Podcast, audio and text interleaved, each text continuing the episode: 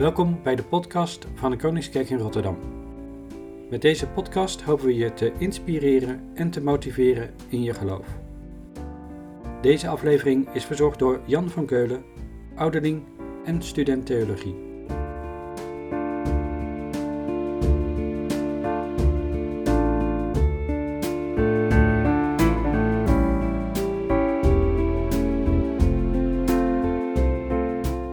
Welkom bij deze Koningskerk podcast over de vrucht van de Heilige Geest.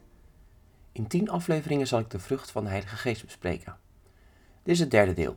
Deze podcast gaat over liefde. Laten we eerst even de twee Bijbelversen lezen waarin Paulus het over de vrucht van de Heilige Geest heeft.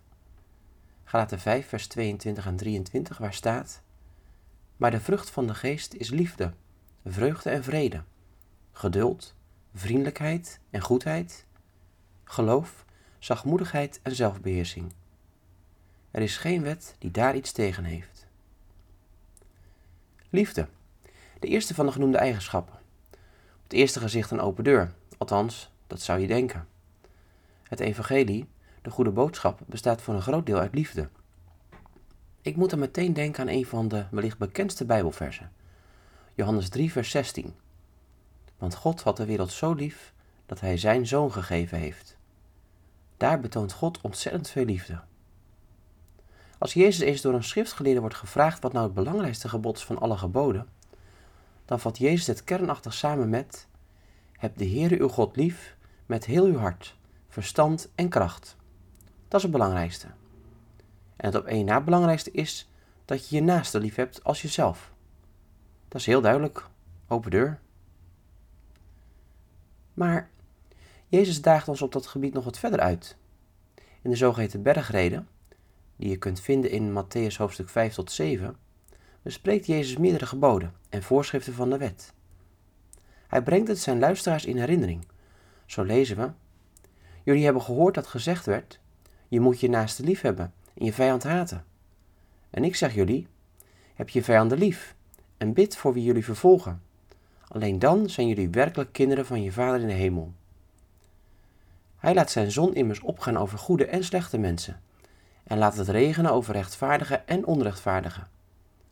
Is een verdienste als je lief hebt wie jou lief heeft? Doen die tollenaars niet net zo? En als jullie alleen je broeders en zusters vriendelijk bejegenen, wat voor uitzonderiks doe je dan? Doen de heidenen niet net zo? Wees dus volmaakt, zoals jullie hemelse vader volmaakt is. Even een kleine kanttekening.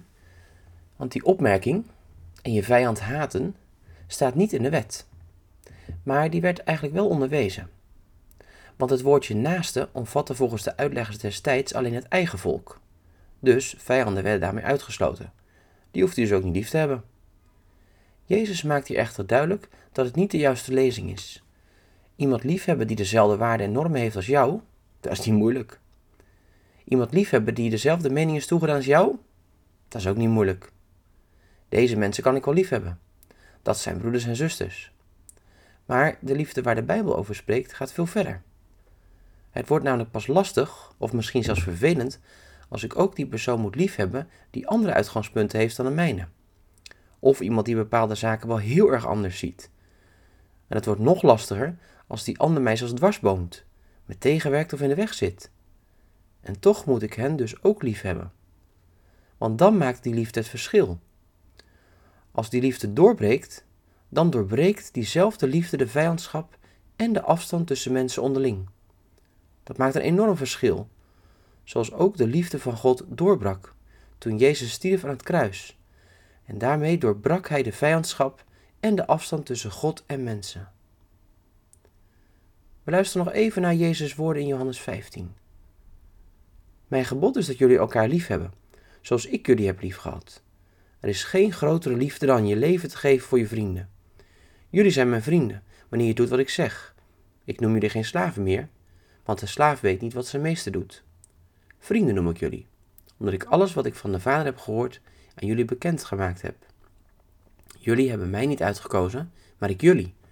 En ik heb jullie opgedragen om op weg te gaan en vrucht te dragen, blijvende vrucht. Wat je de Vader in mijn naam vraagt, zal Hij je geven. Dit draag ik jullie op. Heb elkaar lief. Dat is een uitdagende opdracht. Om liefde te tonen aan iedereen om je heen. Een opdracht die we alleen maar kunnen doen door de Heilige Geest. Eén van die negen eigenschappen van de vrucht van de Heilige Geest. Wellicht een eigenschap die nog veel verder mag of zelfs moet groeien. Zullen we daar samen voor bidden om deze eigenschap te ontwikkelen? Heilige Geest, dank u wel voor uw vrucht die u ook in mij wilt laten groeien en ontwikkelen. Ik kan het allemaal niet alleen, maar ik ben dankbaar dat u mij daarbij wilt helpen. Daarom wil ik ook bewust ruimte geven, zodat u de liefde in mij meer kan laten groeien. Dat ik leer om iedereen om me heen lief te hebben.